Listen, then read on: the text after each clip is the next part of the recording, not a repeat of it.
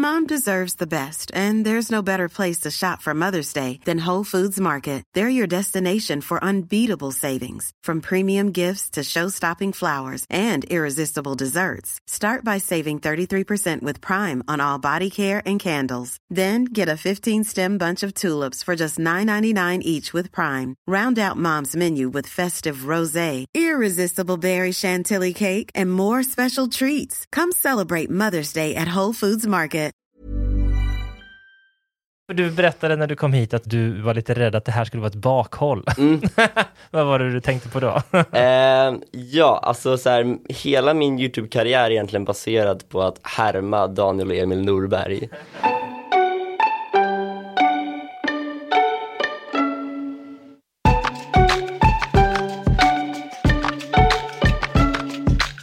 Välkommen till Så blir du f***ing influencer med mig, Emil Norberg. En podd där jag tillsammans med några av Sveriges mest framgångsrika profiler tar reda på hur man egentligen gör för att bli influencer. Idag pratar jag med Sam the Man, eller som han egentligen heter, Sam Pettersson, som slog igenom genom att göra parodier på Melodifestivalen på Youtube.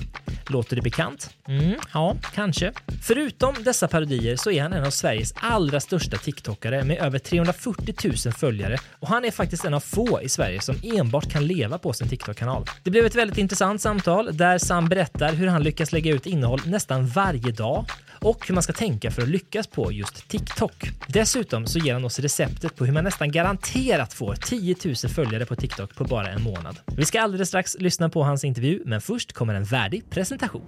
Sam the Man, eller Sam Pettersson, är en 20 år gammal TikTokare, YouTuber och influencer i största allmänhet. Han har 333 000 följare på TikTok, 21 000 följare på YouTube och nästan 5 000 på Instagram. Även om jag ser honom lite här och där i flödet så upplever jag att hans stora genombrott kom så fort att jag har haft lite svårt att lära känna honom. Men nu ska det bli ändring på det. Här är han, mannen som stulit melloparodierna och gjort dem till sina. Sam the Man! I min värld har jag i alla fall varit mer inspiration, samma idé men gjort sin egen grej av det. Jag hoppas innerligt att det, det känns samma sak från andra hållet. Ja, och vad tycker då egentligen jag och min bror om det här? Det får ni höra alldeles strax, men nu det här. Kan du inte berätta lite bara snabbt om hur du kom in i den här svängen? Eh, Från början början, Ja, du har förmodligen hört kanalen Nerd Movies. Det är mina kompisar. okej. De började med YouTube typ december 2014 tror jag. Så då var jag bakom kameran och liksom skrev en del, filmade och sånt, men jag var aldrig liksom framför. Nerd Movies, ja. Det är en ganska liten YouTube-kanal egentligen, cirka 5000 prenumeranter, men de har flera klipp som har blivit riktigt stora. Det är bland annat parodier på Mello, intervjuer med Marcus och Martinus och lite pranks och sådär. Och det här är alltså Sams kompisar. Sen gjorde vi Mello 2015. Det är väl det första, liksom, så, någon form av uppmärksamhet på internet. Ja, Då skrev jag en del av texten och så. Jag var inte, det var inte min video, men jag hjälpte till. okej. ja. Och sen har det typ inte hänt någonting förutom Melodifestivalen parodier varje år. eh, fram till att den kanalen la ner 2017 och jag gjorde min egen kanal på Youtube. ja. Då började jag lägga upp videor som bara jag tyckte var roliga. Hände ingenting. Förrän Melodifestivalen 2018 som nu har 2,1 eller 2,2 miljoner visningar. Vilket den kanske inte förtjänar. Men eh, så det är väl det första startskottet jag fick. Men efter Youtube så började jag med TikTok. Augusti 2019 och det är väl där jag blir mer än bara en person som gör för att det är kul. Så jag tror jag nådde, nu blir det väldigt mycket siffror, men Ja. 10 000 följare i december 2019 och sen kom ju pandemin, vilket gjorde att alla satt hemma med sina telefoner hela tiden. Ah. Ja, folk satt alltså hemma och scrollade tummarna av sig samtidigt som Sam började experimentera allt mer på den här snabbväxande appen. Och resultaten, ja, de kom ganska direkt. 10 000 december, 50 000 april, 100 000 precis innan skolstart över sommaren. Mm, shit. Det var ju ett och ett halvt år sedan nu. Ja, Så ja men 100 000, det kan man väl räkna som ett, liksom, då började det, då slog jag igenom. Vad skulle du säga att du jobbar med? Jag skulle säga att, att jag jobbar med TikTok. Alltså influencer är det många som säger, men jag känner inte att jag influerar, jag påverkar ingen människa. Det är inte så, ah men den här maten brukar jag äta eller de här kläderna brukar jag på mig och så. För det är ju mer kanske Bianca Ingrosso och liknande så. Utan jag gör mer, ah det här är roligt, titta på det, gå vidare med era liv. ja. Vad skulle dina föräldrar säga att du jobbar med? TikTok. Eh, men det är också allt de vet. Ja. du tog studenten eh, ett år sedan. Ett år Mm. sedan. Och nu så jobbar du enbart med det här. Hade de några tankar om det, liksom när du berättade att du vill göra det? Ja, det hade de ju. Ja. Det har de fortfarande. Jag tror Ja. inte de har släppt den. Det är fortfarande så här, ah, ja men TikTok är jättekul men eh, nästa år börjar jag plugga va? Eller ja, ah, men du kanske ska plugga också. Så här. Men det var ju, för jag gick ju natur på gymnasiet, eh, naturmatte. Och sen där när universitetsansökningen började komma in i på våren, bara, nej men jag ska nog inte söka någonting. Jag tänkte nog filma mig själv när jag pratar med mig själv hemma. Med en kökshandduk Ja, på huvudet liksom. Nej men de är, de är jätte supportive, vad heter det på svenska? Ja, Ja. supportive i alla fall. Ja. Eh, så det är ju skönt. Vad är det roligaste med ditt jobb? Det är nog att, att folk tycker om det man gör. Det låter jättekliché men om, om jag lägger upp någonting som fan det här, är, det här är riktigt roligt och så kommer någon annan människa och bara skriver, vet du vad, det här var extremt kul, bra jobbat. Det är väl det roligaste. Sen själva processen i det jag gör, tycker jag nästan det roligaste att komma på skämt, vilket jag in, inom branschen är väldigt ensam om. För de flesta är det kul typ så här, ja men att filma det eller liknande. Men jag skulle säga det roligaste är liksom skriva manus eller komma på en idé. Jag har ju anteckningar i min, eh, min telefon som alltså det är hundratals bara tankar. Ja. Kan sitta vid middagen och bara, oh vänta det här är kul och så skriva ner. Och så, det är inte ens ett skämt utan det är typ så här, planta rimmar på Fanta.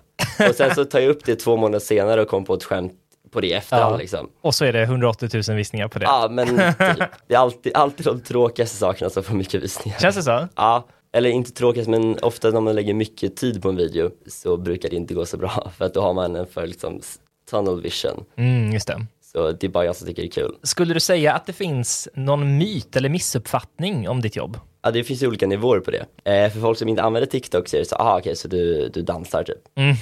det är en väldigt klassisk myt. Men om man sen går in på folk som kanske använder TikTok regelbundet, då är det väl mer så här, ja men vadå du, du filmar ju bara och lägger upp. Hur kan det vara ansträngande eller svårt? Ja. Det kan ju vem som helst göra. Det är dock väldigt lätt att säga då, okej men gör det. Ja. Och sen, jag känner ju det lite ibland så här, men gud, jag har verkligen kommit så långt och jag har inte försökt. Men det är ju bara för att i mitt huvud är det inte jobb, utan det här är det jag vill göra. Ja. Jag hade gjort det om jag inte fick en krona liksom. Men sen när man kollar tillbaka så är det så här, ah, jag har lagt upp jätte, jätte, jättemånga videor, Ja. jätte, jätte, jättelänge. Och det är också det om jag pratar med mina kompisar, ah, ska vi göra den här grejen idag? Ah, nej jag kan inte, jag måste jobba. Jättesvårt för dem att förstå, så, ah, just det. Man måste faktiskt lägga ner tid på det här. Mm. Man kan inte bara, ah, men jag gör det sen, eller jag gör det ikväll, eller jag gör det nästa vecka. Och Man liksom- måste göra det regelbundet hela tiden. Ja, nu, här, när jag lägger upp egna videor, då kan jag ju flytta dem. Men varje samarbete man ska göra har ju en deadline och du Ja. måste skicka in idéer, draft, nytt draft, mejla dit, mejla dit och så vidare. Men apropå att eh, liksom göra jobbet hela tiden och varje dag. Har du alltid lust till det? Eller har du kommit till en nivå att du kan liksom jobba vidare fast att du inte har inspiration eller lust? Jag har inte alltid lust och jag har inte kommit till den nivån. Men vad som är väldigt skönt är att för typ ett år sedan, om du tog kanske några dagars paus, då var du tvungen att jobba upp dina visningar igen typ en månad efter. Nu när jag ändå är lite mer etablerad och folk ändå vet vem jag är, så kan man ta en dag eller två eller kanske tre dagars paus och du går ändå komma tillbaka ganska smidigt. Men TikTok, till skillnad från typ YouTube, du måste komma på saker ah, i stort sett varje dag och det kan definitivt bli uttråkande. Om man säger, oh, jag måste bara göra någonting som får visningar. Ah, ja, eh, ah, har ni tänkt på den här roliga grejen? Eh, men de videorna blir ofta sämre. Det, man kan se det i efterhand, shit det här trodde jag inte på. Det är egentligen lite skönt att man verkligen ser om någon brinner för det eller inte. Och att du har en bra kompass själv då för vad som är rätt att göra? Exakt. Sen är jag lite problem för att för många kollegor, eller så de, också, de har så här, ah, nej men jag gör sådana här videor. Du kanske testar mat eller du kanske vloggar eller liknande. Och då gör du det. Men nästan alla mina videor är ju liksom unika idéer. Eh, vilket gör det ganska svårt att jobba regelbundet för du måste komma på nya skämt varje dag. Men hittills har det funkat, det har gått så här, två och ett halvt år. så jag hoppas att jag inte, min hjärna inte sinar än i alla fall. Just det. Vad tror du gör just dig till en framgångsrik TikTokare? Den här frågan kommer inte kunna besvara utan att låta jätteskrytsam. Nej men det får vara det. Men- Du är ju, alltså, för du är ju utan tvekan en av de mest etablerade på TikTok. Det beror ju väldigt mycket på att räkna, men jag brukar räkna helgardera och säga topp 20 Ja. i Sverige. Då, är ändå, då kan jag ändå stå för det. Ja. Alltså det här låter jätteilla, men jag skulle säga att jag är väldigt kvicktänkt. Eh, så det är jättemånga så här konversationer jag har med folk eller mina föräldrar eller liknande, där jag bara säger roliga saker. Mm. Och wow, okej, det här var kul. Och sen skriver ner det. Jag, jag säger ofta roliga saker i stunder Mm. eh, som jag sen kan då föra över till TikTok. Eh, jag gör ganska mycket, eller jag är inte jätteofta längre, men jag har gjort väldigt mycket så här vetenskapsbaserade skämt. Mm. Typ, ja men hur djur fick sina namn och så vidare. Just det. I lite mer komplicerad humor, vilket jag inte riktigt sett någon annan göra på TikTok. För det är väldigt mycket så här enkelt, snabbt, haha. Eh, men om man behöver lite bakgrund till det och så, jag tror det är sådana skämt som liksom har gjort att jag gör andra videor.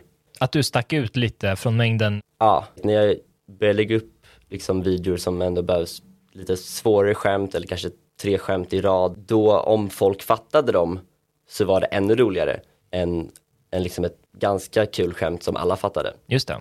Men sen, många sådana videor också, om du inte fattar, då är det inte kul alls.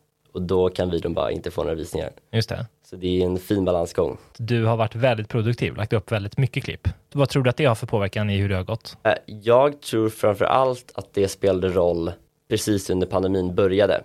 Eh, För då kom det jättemycket nya människor till appen och det var relativt få människor som la upp. Så då om du la upp mycket just då, det var då du hade chansen att väx- växa. Till exempel eh, Kevin Bang, han började i 2020 och under sommaren hade han typ 300 000 följare. Oj. Eh, Men han la också upp, under det halvåret la han upp fyra videor varje dag. Oj. Och då förstår man liksom hur stor effekt TikTok verkligen kan ha. Mm. Eh, Jag gjorde inte det, jag la upp kanske en eller max två videor om dagen. Men liksom om man lägger i, i upp så mycket video man bara kan så går det nästan garanterat bra. Vad tror du är det viktigaste personlighetsdraget om man ska lyckas eh, som influencer på TikTok? Jag tror helt ärligt att du måste tycka det är kul. För att när jag började, då, då gick det inte ens att tjäna pengar på TikTok. Nej. Det var inte en grej. Och alla som liksom började då gjorde det enbart för att det var kul. Och det är många som jag ser liksom nu, som har kanske så här 80-90 tusen, vilket ändå det är bra. Men man ser på dem att okej, men jag gör det här för att jag vill bli känd eller jag vill kunna jobba med det här. Mm. Det funkar inte i längden, utan du måste verkligen, ja men kan du göra det här helt gratis varje dag ett halvår, då tror jag att det, är, det här är rätt för dig. Men annars, ja, så funkar det egentligen med YouTube, Instagram, allting. Man måste verkligen kunna lägga all energi man har utan att förvänta sig någonting tillbaka från början. Sen nu om man, om man kommit upp så är det klart att man bör få betalt om man gör samarbeten eller liknande. Men man måste också kunna göra det gratis. Mm. För att annars finns den där lilla gnistan finns inte där, då kommer du inte orka. Nej. Då går man in i väggen. Hur ser man det? Eller jag, alltså jag, jag fattar vad du menar, men har du tänkt på det, liksom hur, vad som avslöjar dem på något sätt? Det är nog lite en magkänsla, men jag tror det framför allt är typ om du ser att de bara postar videor som går bra kanske. Eh, om de typ tar ner videor som, ja ah, men den här gick inte bra, då tar jag ner den. Mm. Den här fick bara 30 000 visningar, vilket fortfarande är jättemycket. Men om en människa som faktiskt tycker om det, då lägger de bara upp, upp, upp, lägger upp hela tiden. Eh, sen så, alltså det är jättefå detaljer som egentligen inte betyder någonting. Men typ om captionen alltid väcker engagemang. Om det är så här, ah, vad tycker du om videon? Följ för fler, eh, tagga tre vänner, då är det mer så här, ah, men jag gör det här bara för att jag vill ha mycket människor som tittar på det. Mm. Istället för att, wow, det här är kul att göra. Just det, att du bara ville dunka ut den så fort den var färdig liksom. Exakt. Intressant. Ja, men så små grejer som gör att det känns lite spammigt liksom. Vi, men så här, jag gör också det. Jag försöker inte klanka ner på någon, för jag gör också Ja, det. ja, ja. Men eh, om jag gör det är det förmodligen för att jag inte tycker att den videon jag la upp var särskilt bra. Så Ah. jag hoppas att kunna väga upp det med en caption än att få lite fler delningar eller liknande. När började du med sociala medier? 2017, för då startade jag min egen YouTube-kanal, Sam the man. Sam the Man. Mm. Det är samma. Och då la jag även upp, kanske inte veckovis, men ändå varannan vecka typ. Eh, jättedåliga videor, de är olistade nästan allihop. Okej. Eh. Vad var det för videos? Nej men det var, alltså det var ändå okej, det var helt okej idéer. De är bara horribelt filmade på typ en Samsung Galaxy S8 och jättedålig ljus och allting och de är bara inte bra gjorda. Mm. Ja men 2017 då. Och sen 2019, augusti, TikTok. Och det var då jag faktiskt, då det hände någonting. Vad var det som gjorde att det började ta fart? Eh, ska vi säga ta fart då när jag började bekämpa TikTok? Ja, eller vi kan väl ta YouTube först. Så du kan relatera lite Ja, också. Hela min YouTube-karriär är egentligen baserad på att härma Daniel och Emil Norberg. Jag har egentligen gjort mellopartier 2015 ända till 2022 ja. och and counting. ja. Men 2015, det var en bedrövlig video, men den fick fortfarande jättemycket visningar. Sen 2016, då fick vi vårt första samarbete. Då var det på Nerdboobies-kanalen.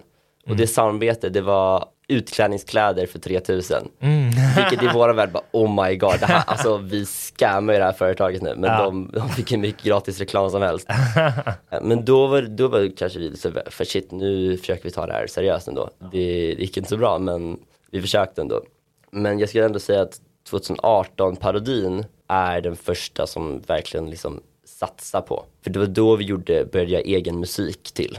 Just det. Tidigare har vi bara liksom tagit originallåten genom ett så här ta bort röstfilter. Ja. Eh, om man lyssnar så hör man att det, sången finns kvar där i de tidigare. Men 2018, och då började jag även klippa i Final Cut istället för iMovie.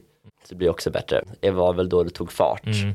För då, det var den som fick hur mycket visningar som helst. Hur många fick den? Finalen ligger på 2,2 miljoner tror jag. Mm, det är väldigt mycket. Det är jättemycket. Andra chansen har typ 500-600 000. Ja, också väldigt Det är bra. fortfarande jättemycket men i jämförelse är det inte det. Mm. Och sen gjorde jag även 2019 parodin, gick lite sämre, men den är såklart gjord bättre för det blir bättre varje år. Och sen började jag med TikTok och det var då det tog fart. För YouTube blev, då blev det bara mello varje år och sen höll jag på med TikTok resten av året. Just det. Och YouTube, alltså det har egentligen inte gått bättre sen dess, utan jag bara får massa visningar Ja. men jag får inga prenumeranter. Jag ju typ så här 6-7 miljoner totala visningar på kanalen och 20 000 prenumeranter, vilket är väldigt lite.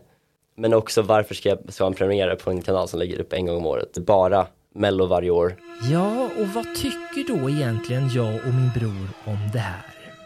Bara för att förtydliga då, vi Mm. är ju inte upprörda över att du och eh, dina kompisar gör de här parodierna. det är bara roligt egentligen att någon annan vill göra något liknande och eh, ni har ju gjort det väldigt bra också. Och, och i- faktiskt i år tror jag eh, att ni fick fler visningar än vi. Totalt. Ja, totalt. På era Men vi fuskade lite, för vi har sex gånger fler videor. Ja, men det är ju väldigt listigt. Ni gjorde deltävlingarna, fyra deltävlingar och sen klippte Mm. ni ihop de bidragen som gick till semifinalen och till finalen. Ni fick väl liksom en miljon visningar till på att göra så, ungefär? Eh, faktiskt, det ångrar jag lite att vi gjorde. Varför då? Eh, men i efterhand eh, så borde vi ha gjort eh, bara finalbidragen. Alltså de 12 videorna i en video. Jag tror att det hade gått bättre om man gjorde en, en längre video som samlade finalen. Men deltävlingen gick förvånansvärt bra. Mm. Poängen med deltävlingarna var ju att eh, första deltävlingen framförallt skulle vara uppe under hela Ja. liksom melloperioden. Ja. Eh, vilket funkar rätt bra för deltävling 1 har mest visningar förutom finalen tror jag. Men visningsmässigt var det nog värt allt jobb. Men det var extremt jobbigt. I en månad så snittade jag typ så här 12 timmar sömn i veckan totalt. Oh, herregud. Ja, det där är tufft alltså. Så man hade ingen tid att göra något annat. Hemskt. Men det har ju också gått väldigt bra. Du sa det själv att det var värt det. Det var värt det. Och där kom ju återigen det här med att man måste tycka det är kul. Det var ju så du breakade på YouTube. Tror du att du hade nytta av det när du började med TikTok på något sätt? Eller var det som att börja om på noll? Eh, nej, jag tror definitivt att det var del nytta. Eh, just för att parodier är liksom, ja ah, men 20 sekunder, det måste vara kul. Mm. Du kan ha, ha ingen tid att bygga upp kontext, någonting. Det måste bara vara kul i sig. Och det är exakt det TikTok är. Så det är väl typ det. Så att du liksom hade lite hur man ska tänka. Exakt. Med hur man skriver text eller skriver ett skämt. Men var det som att du kunde liksom säga åt dina YouTube-följare, hej alla 20 000, nu startar jag TikTok, följ mig där. Inte alls. det, det går inte. Nej. Efter alla parodier så säger jag så här, ah, tack för att du kollade. Prenumerera. Och sen när jag började med TikTok så jag även, ah, följ mig på TikTok. Märktes inte överhuvudtaget. Nej. Nej.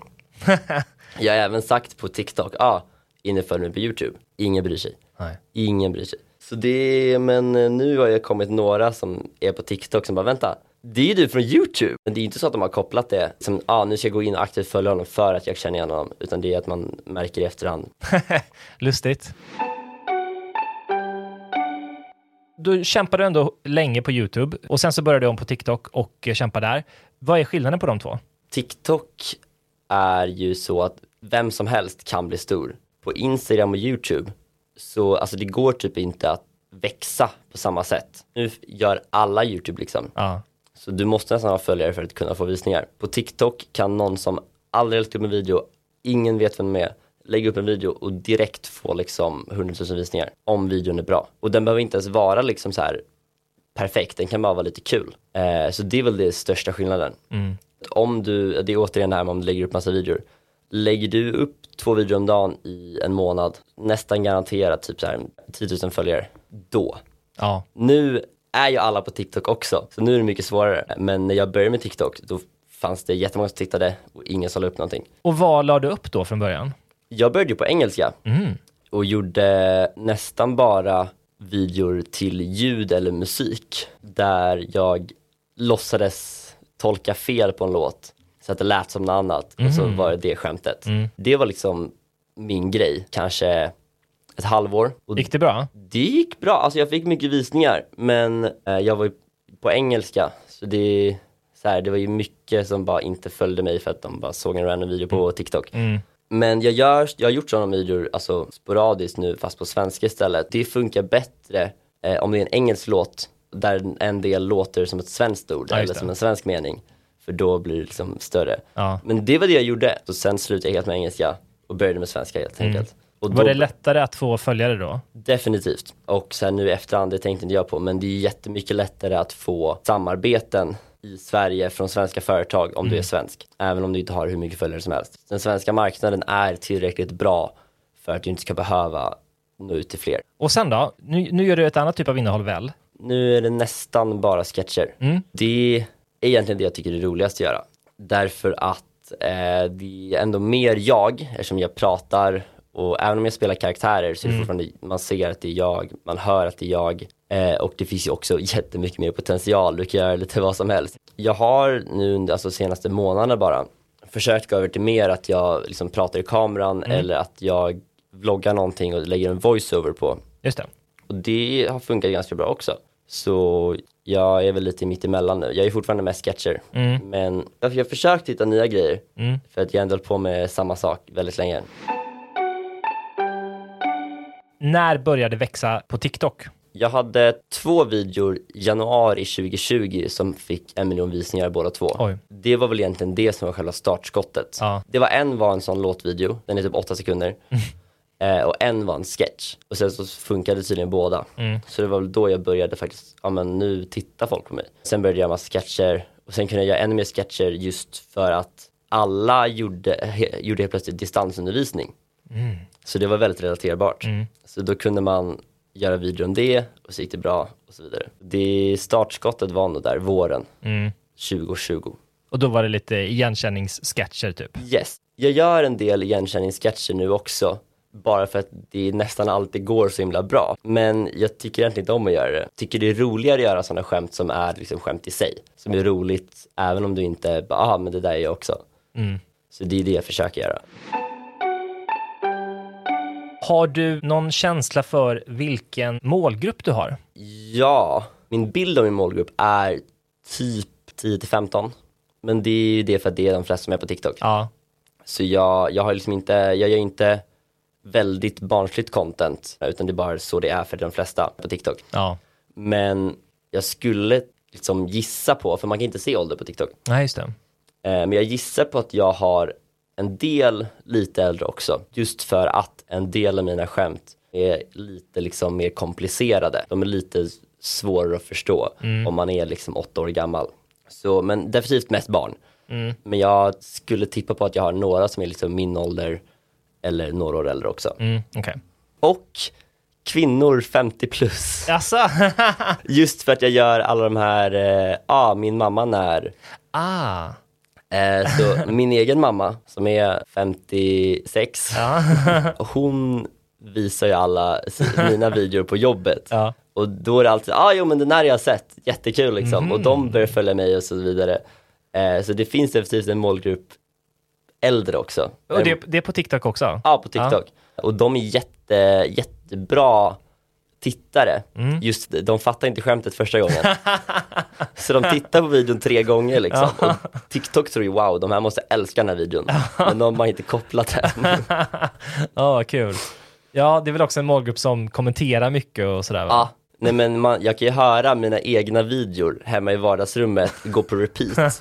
Och det är bara för att min mamma läser kommentarerna. Vad och har jag en video med så här 100 kommentarer, då går den videon ganska många gånger. Bra tips ju.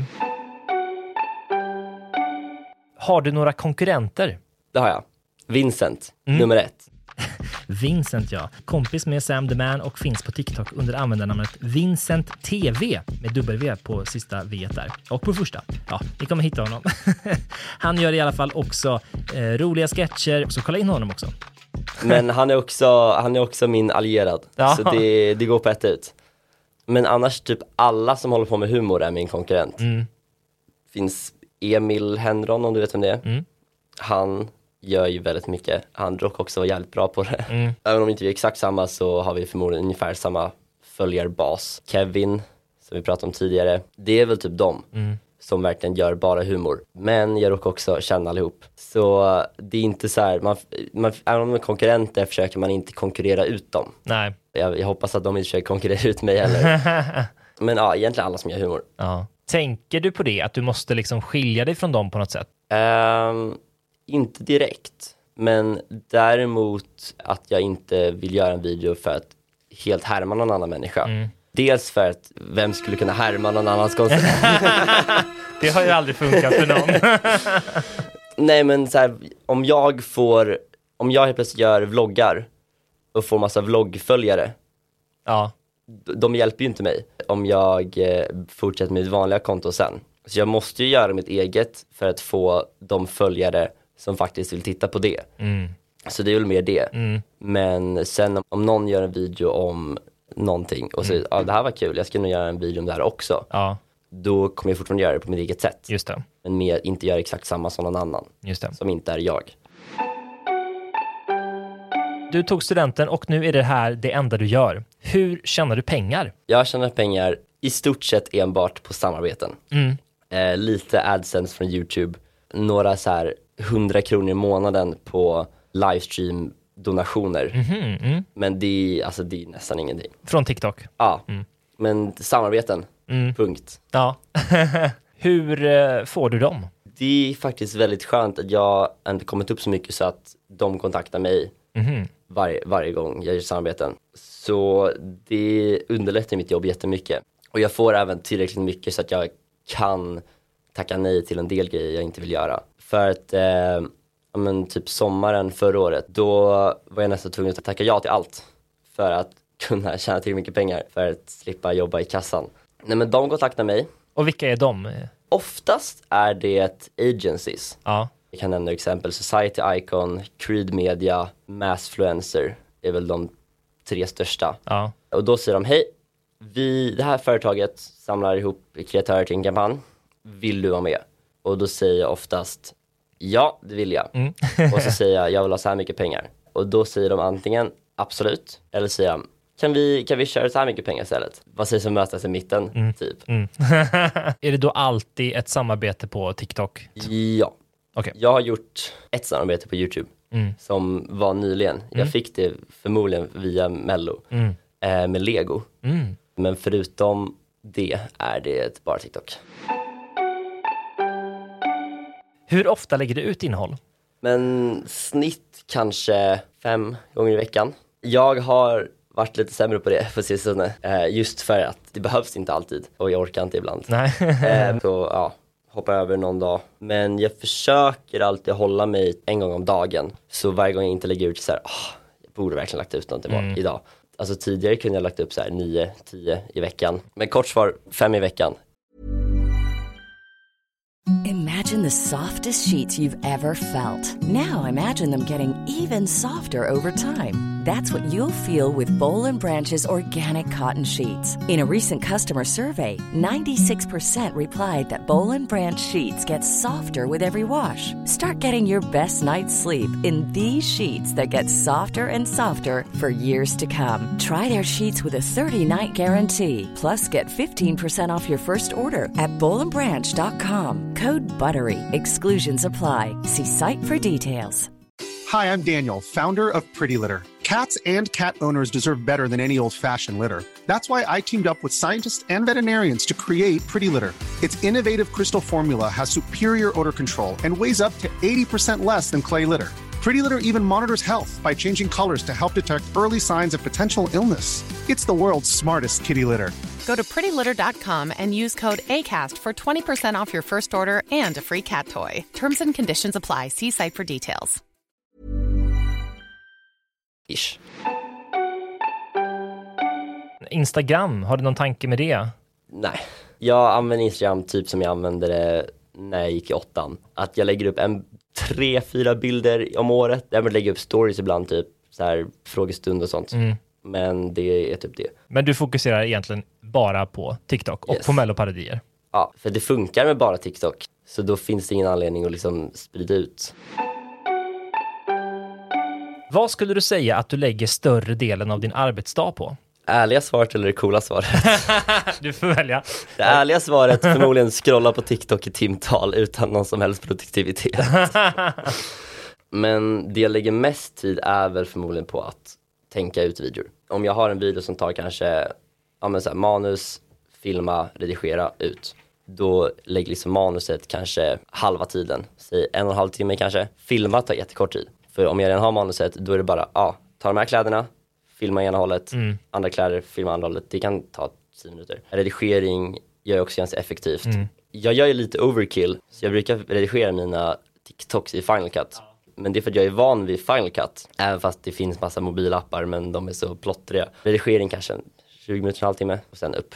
Ja, och det blir nästan en, en dag då ju, om du gör en om Ja, dagen. nej men alltså jag kan, det beror jättemycket på vilken video det är. Jag har haft som tagit månader Ja. och jag har haft som tagit alltså 25 sekunder. Ja.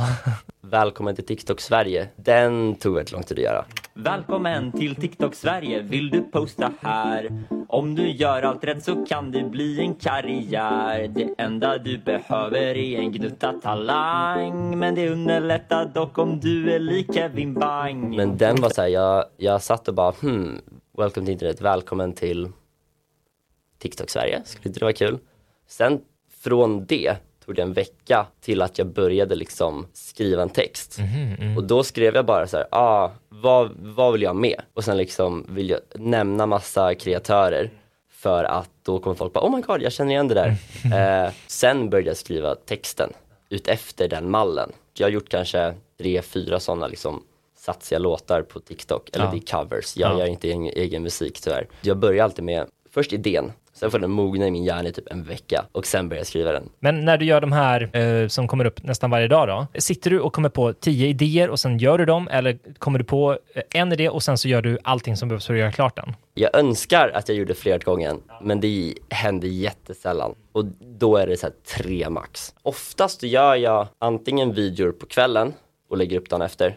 Eller så gör jag videon, lägger ut den, eh, typ så två eller någonting. Så det är jättemycket skriva, filma, redigera upp. Och det kanske inte är det mest effektiva arbetssättet, men jag tycker att det känns bäst. För då känns det mer, som vi sa, pratade om tidigare, att det känns mer som att jag håller på med TikTok för att det här är det jag vill göra. Ja. Mer än att, ja ah, men okej, men nu gör jag bara tio videos så jag får det överstökat så att jag kan casha in efter. När på dygnet får du jobbet gjort? Idéer och liksom skriva idéer, bara liksom vad det ska handla om, när som helst.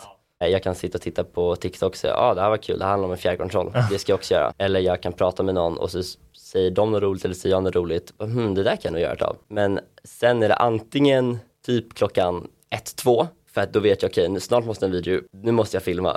Eller så är det typ klockan ett, två fast på natten. så här, jag, jag borde gå och lägga mig nu men eh, det gör jag inte utan jag sitter och filar på idéer. Eh, Så det är lite flytande? Ja, redigering är mycket på natten. Okej. Varför vet jag inte men jag tycker att det, det funkar. Filmning oftast på dagen. Men okej, men då är det, det är lite, lite över hela dygnet egentligen. Och, men Ja, det, och det känns men som att det funkar bra. Det funkar bra för mig men jag tror det skulle funka horribelt för många andra. Jag är väldigt, väldigt lustdriven. Vilket är en fördel i vissa fall. För nu när det funkar så är det väldigt bra. Men det gör också att jag egentligen passar rätt illa på ett så vanligt jobb. För att jag orkar inte. Just det. Du får ju uppenbarligen väldigt mycket att hända liksom. Har du något produktivitetshack om man som du vill bara få ut grejerna? Nej, jag är jättedålig på det här. Jag, alltså så här, för att ha så mycket tid som jag har så lägger jag upp väldigt lite videor. Men alltså bara börja filma brukar hjälpa mig. Det är många videor som jag har filmat, redigerat och sen bara okej, vad är bra här? Det, det här behövs inte. Och så går jag och filmar om hela igen. Okej. Och alltså bara att, att filma mycket och sen se vad som blir bra och inte. För det är svårt att veta innan. Vissa skämt kanske inte funkar, vissa manus kanske bara inte flyter på naturligt. Eh, Det gör det i text men inte när man pratar och så vidare. Så ja, mer att bara börja på en gång. Men rent liksom om man vill att någonting ska hända på TikTok, bara posta. Den första videon den kommer vara kass oavsett hur mycket du förbereder dig. Den hundrade videon kommer vara kass. Så det är bara att börja. Jag kollar rätt mycket på så här how to get big on YouTube tutorials. För, alltså när, när YouTube var en grej för mig. Alla säger så här, okej men vad ska du göra med en bättre kamera? Din video kommer ändå vara dålig. Den första videon du lägger upp kommer vara dålig. Liksom alla har en telefon. Börja filma, lägg upp gör det igen och igen och igen och igen och igen och igen. Och sen efter så här 300 videon, då kanske du har något kul. Och om vi pratar lite mer konkret på TikTok då. Ja, När, när tycker du man ska posta? mellan klockan två och tre. Okej. Men det är förmodligen bara en placeboeffekt. För jag har verkligen postat så här klockan 10-11 på kvällen också, det har också gått bra. Var kommer den tanken ifrån då? I TikTok Analytics så kan du se när tittare är mest aktiva. Då är det alltid en spike vid typ så här 7-8 på vardagar då. För då innan folk, eller när folk ligger i sängen och tittar för att de inte orkar gå upp. Eh, och sen går det upp vid 1 och sen vid 2 och sen så är högsta punkten klockan 3 och sen är den nästan högst upp ända typ klockan 9 Ja. och sen går det ner igen. I mitt huvud är det så om du lägger upp precis när folk börjar kolla som mest och sen så har du hela den kullen liksom. Men så, är det ju inte egentligen. För att om du lägger upp en video 10, visst den får inte lika mycket visningar då, men den kommer få visningar dagen efter, eh, när folk börjar kolla igen. Men däremot förut, säg att du kanske fick 20 kommentarer på en video totalt. Om då du fick fem stycken extra först, tre minuter sen, sådana kommentarer, då hjälpte det. Men nu när jag eh, har liksom ändå tillräckligt mycket tittare så spelar det inte så stor roll längre. Mm, Okej. Men eh, nej, det spelar ingen roll när man postar egentligen. Mm, okej. Men däremot hjälper det att posta ungefär samma tid varje dag. Så om jag alltid postar vid tre så kommer någon snappa upp det och tänka hmm, nu är ny video av Sam. Just det. Typ. Och jag antar att algoritmen även känner igen, ja men den här brukar bara posta regelbundet och då pushar vi de videorna. Ja, jättesmart tips ju. Och vi pratade lite om caption och sånt där. Har du något tänk kring det? Om det handlar en video om någonting som är väldigt rimligt att fråga om, eller så. Säg en video om, om du ska ta O'boy-pulver eller mjölk först. Mm, just det. Då är det väldigt rimligt att skriva i caption, ja, ah, vad brukar du göra? Och sen så skriver folk. Men om det bara är en video som är kul, då kan du bara skriva lite extra skämt liksom. Det kan också hjälpa med att folk tycker att videon är bättre, att de likar eller så. Nu tar jag jätteskumma exempel, men jag gjorde en video för länge sedan, mötet inför namnet på hundraser. Och då skrev jag i captionen, ja ah, det där mötet gick inte 100 procent bra typ. eh, och så här, det, det är ju bara lite kul. Men också totalupplevelsen av videon blir lite bättre om caption också är rolig. Sen om man går in på captions finns också hashtags, vilket jag också använder mer och mer sällan. Förut så var ju alla videor så här, ah, hashtag for you, hashtag for you page. Ja. Nu brukar jag använda så här, ah, en lärare, hashtag lärare, hashtag skola. För att det är det det handlar om. Och sen brukar jag alltid lägga till hashtag Sandeman. Men det är mer för att jag vill alla mina videor på ett ställe. För hashtag sorterar efter likes och visningar. Okej, så då söker du på din egen hashtag och ser vilka videor som har gått bäst? Exakt. Ja, smart. Det är ju jättesmart ju. Sen även om folk har likat tre videor med hashtaggen Sandeman och så kommer en ny video med hashtag Sandeman, kommer den förmodligen komma upp för dem också. Ja, så borde ju en algoritm funka, ja. Mm. Exakt. Ja, men jättebra tips ju. Ibland lägger jag upp saker som går jättebra och så tänker jag nu vill jag lägga ut någonting igen som är jättebra och så kommer jag inte på någonting som känns jättebra. Skulle du säga att det är bättre att bara lägga ut någonting, vad som helst, eller hur ska man tänka? Det beror lite på om man bara vill för att det är kul eller för att man vill bli stor eller för att man vill tjäna pengar på det. Ska du tjäna pengar på det är det en lite annan grej. För att om du har varannan video på 100 000 och varannan på 10 000 då är det så här, ja ah, men vi kanske inte kan samarbeta med människan för han får ganska lite visningar ibland. Men om du bara liksom för att det är kul eller du vill få mycket följare och visningar. Alla videor som får en, minst en visning är minst en visning till. Och så länge du inte gör något stötande som får folk att aktivt avfölja så desto mer desto bättre. Men det är definitivt så om du lägger upp en video som går bra så är det bra att posta ganska kort därefter. Det kan också vara en, en liknande video mm. eh, eller en del två. För om folk uppenbarligen tyckte om den tidigare så kommer den till, kommer den definitivt komma på deras sida också och de kommer tycka om det. Om du skulle ge lyssnarna, eller mig då till exempel, eh, något tips på om jag vill bli stor på TikTok, vad ska jag göra? Eh, ja, det, det är jättetråkigt, men steg ett, försök inte bli stor. Nej. Utan gör det för att det är kul. Ja. Men det, det, är verkligen så. Om du gör det för att bli stor kommer du tröttna på en gång. För att så fort du, en video går dåligt så tänker du, åh. Ja. Eh, och, så, du, och så tröttnar man och lägger ner. Och så tröttnar man och lägger ner. Ja. Och även folk som kanske går bra för, som gör det, alltså det, det håller inte i längden. Så steg ett, gör det för att det är kul. Steg två, gör det, om inte ofta, så regelbundet. Eh, du kanske behöver lägga upp fyra, fem videor om dagen, men en om dagen. I alla fall i början. Sen skulle jag säga, jag hade ju lite tur att jag började så tidigt. Mm. Men ska man börja nu så steg tre, någon form av samband, någon form av nisch. Man måste nischa sig. För om du lägger ut helt random saker det funkar om du redan är en personlighet, för då tycker folk om dig för, för dig. Så då kan du göra en vlogg, en sketch, en matlagningsvideo. Men om du inte är någon så funkar inte det. Så man måste nischa sig. Och vad kan en sån nisch vara då? Ja men du kan laga mat. Eller humor är väl ändå en ganska bred nisch, men det är fortfarande någon form av nisch. Eller du kan göra dansvideor, det funkar fortfarande. Eller liknande. Det är väl de tre main-stegen om man ska börja. Sen finns ju jättemånga jättesmå saker. Eller jo okej, steg fyra. Gör allting så snabbt som möjligt. Alltså så här, folk bryr sig inte. Ingen bryr sig. Det, det är steg fem, eller det är tips fem. Ingen ja. bryr sig. Eh, så du måste få dem att bry sig. Du, om du ska göra en video, ja, ah, hej välkomna till eh, mina topp tre bär. Om du börjar med videon med Hej allihopa, förlåt jag har inte fixat håret idag, eh, men jag hoppas att ni tycker det är okej ändå. Här är i alla fall mina topp tre bär. Då har folk redan swipat bort. För ingen bryr sig om ditt hår. Nej. Om du däremot börjar med Välkomna till mina topp tre bär. då vet folk vad videon går ut på två sekunder in i videon. De hinner inte scrolla bort innan de vet vad videon går ut på. Och därifrån kan du börja. Sen kanske inte alla vill kolla på det.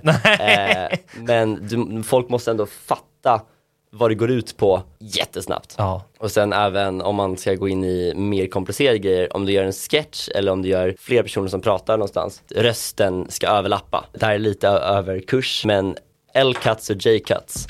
Det Sam egentligen menar är att man, när man klipper mellan två personer som pratar, att man ska låta ljudet från person två börja låta redan i person 1 bild. Och sen då att ljudet från talare 1, när personen ska svara, kommer i talare 2s bild. Hänger ni med? Ljuden överlappar så att man får så kort klipp som möjligt. Alltså man vinner ju några tiondelar bara i varje replik, men om det är många repliker så blir det ju kanske uppemot en eller två sekunder och det gör stor skillnad på en app som TikTok. Människors hjärnor kan fatta vad du säger ändå och det blir inte lika hackigt. Wow, jättebra. Jag tror att det var alla frågor. Eller är det någonting du känner att vi borde prata om som vi inte har gjort? Ja, ja. det skulle väl vara hur, hur det helt plötsligt är att folk vet vem man är. Ja, berätta. Eh, för det, jag har fortfarande inte vänt mig vid det. Eh, vant heter det. För i min värld är det jag som lägger upp hemma i mitt rum eh, och sen så är det en siffra på min, min telefon som säger att jag gjort ett bra jobb. Men i verkligheten så är det någon som bara, den här människan, han är, han är typ min vän. Eh, och så när de ser mig på stan, så bara shit, den där killen, han är i min telefon. Ja. nu är han där. Det tycker jag fortfarande är helt stört. Eller jag förstår att folk har sett mig, men jag förstår inte att folk lagt mig på minnet. Mm. Och liksom bara wow, den här personen ska jag komma ihåg hur han ser ut. Och det är fortfarande helt sjukt. Också folk som skriver att du är min idol, älskar det du gör. Det tycker jag är det sjukaste. Jag förstår så här, wow, det här är svinkul, bra jobbat. Men inte så här, jag ser verkligen upp till dig. Det, det, jag tycker inte att jag förtjänar det överhuvudtaget. För att jag gör inget av värde. Nej, men du förgyller deras eh, bussresor och så vidare. Mm. Men det är väl det. Det är, har jag fortfarande så här, två, tre år kvar innan jag har vant mig vid. Vad vill du göra framöver liksom? Jag har ju funderat en del på att börja med stand-up. Det är ju att skriva skämt egentligen, bara att jag måste framträda dem också. Så det är väl det jag har inom så här någon rimlig framtid. Inte kanske att bli stand-up-komiker, men ändå att testa på det och se hur det är. Men sen lite, alltså så här, om vi tänker så här, tio år in i framtiden, att börja liksom skriva skämt i tv och så. så skriva Parlamentet, lite så här, alltså om man får tänka stort så typ så här Felix Herngren. Eh, att så skriva shower, sen vara med lite i dem, Ja. men liksom skriva tv-serier, skriva skämt och så. Så det är väl skrivandet, vilket mina tidigare lärare förmodligen aldrig skulle förutspå för jag hatade att skriva. Ja, vad härligt. Men är det ett större brinn än att bli liksom en Bianca Ingrosso-karaktär som skålar med kändisar på olika galor? Ehm, ja, det är det. Nu har jag ju blivit inbjuden på en del event, det är också jättekul. Men jag började med, med hela sociala medier-grejen för att vara rolig och få folk att skratta. Event är ju bara en bonus liksom efter det. Däremot att eh, få träffa massa kändisar som jag ser upp till och att liksom få resa runt när någon annan betalar, det är också jättekul. Men huvudsaken är ju humor liksom.